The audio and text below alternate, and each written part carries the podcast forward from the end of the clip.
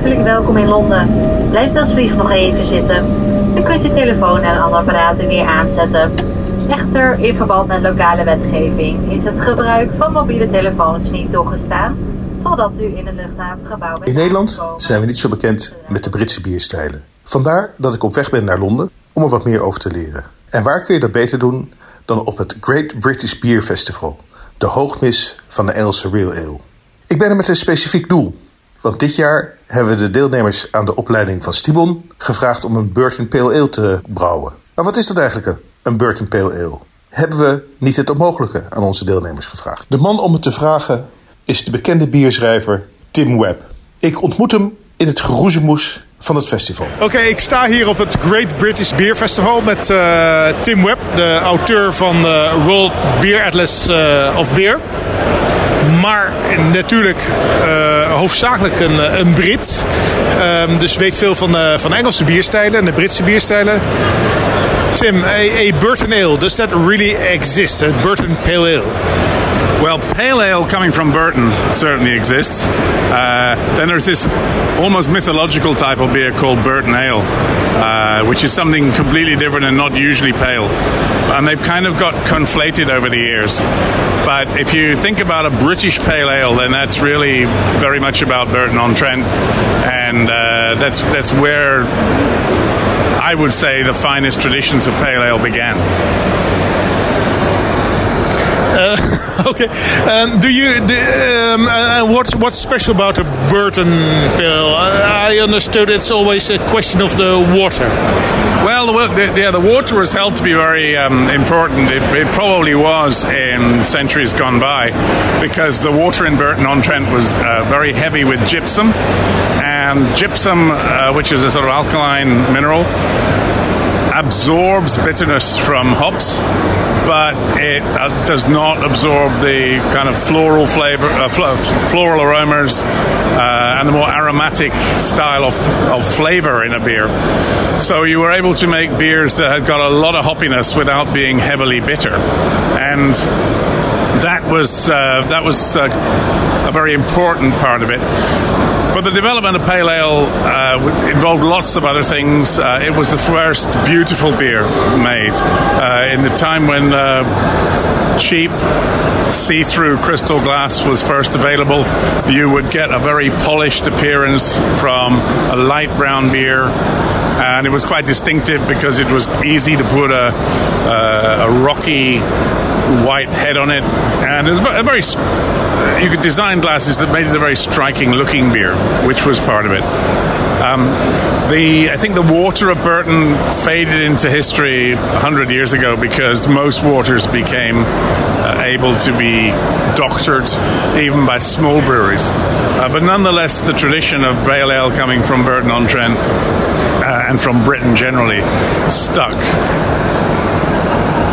Where it starts to get complicated, where people get confused, is they confuse British pale ale with bitter. And, and bitter is the draft beer of tradition in the UK since wow, third quarter of the 19th century. And that is a draft pale ale, um, but it doesn't have the full characteristics of a bottle pale ale.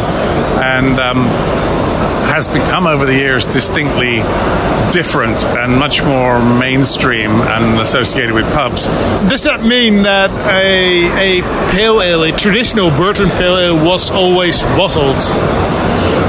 It could be draft, but uh, bottling was more common, and the, the spin off from Pale Ale was the India Pale Ale, which is more famous, which was loaded with hops, and that was transported.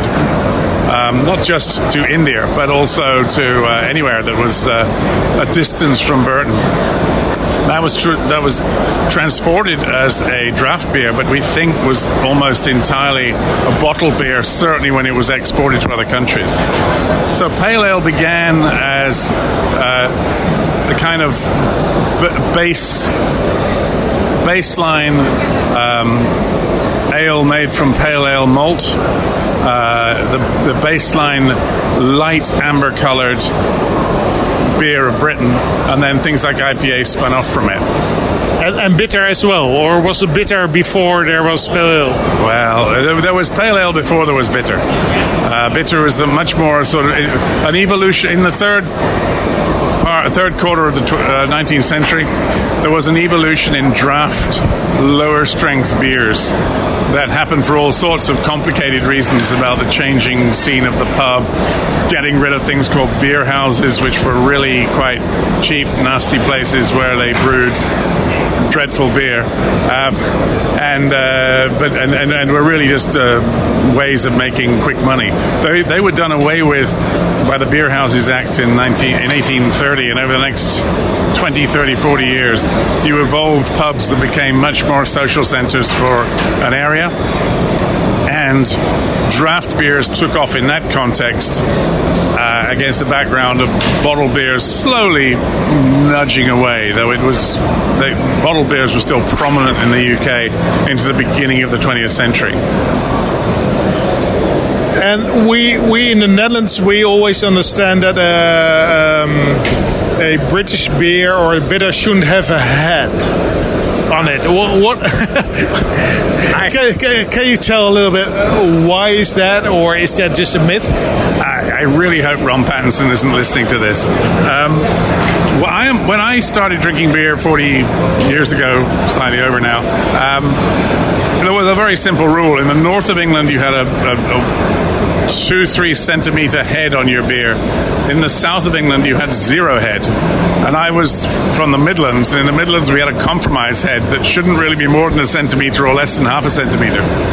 Fortunately, we're engineers in the West Midlands, so we can engineer that sort of head. And that, that but, but actually, when you look into the history of the head, the, the, the head only really took off in the north of England early part of the 20th century, as I understand it. And it was really to get less beer into the same size glass. Uh, but it's, it's one of these things that is just got this uh, cachet. The head on beer has got a cachet all around the world, and someday someone's going to write the consummate work on the development of the head on beer, and we'll all know what really happened. But, but yeah, I, you know, certainly when I was uh, young, uh, in the south of England, a draft beer should have zero head on it.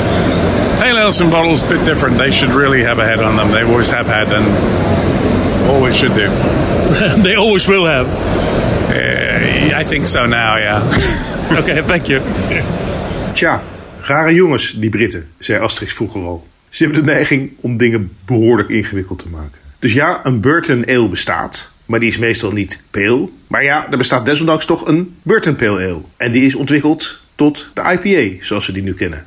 En aan de andere kant is hij ontwikkeld tot de bitter, die overigens ook niet pale is en alleen getapt wordt. Maar toch kun je die ook op fles krijgen. En de Pale Ale is eigenlijk een bottle-conditioned bier, dus met nagisting op de fles. Maar soms wordt hij getapt.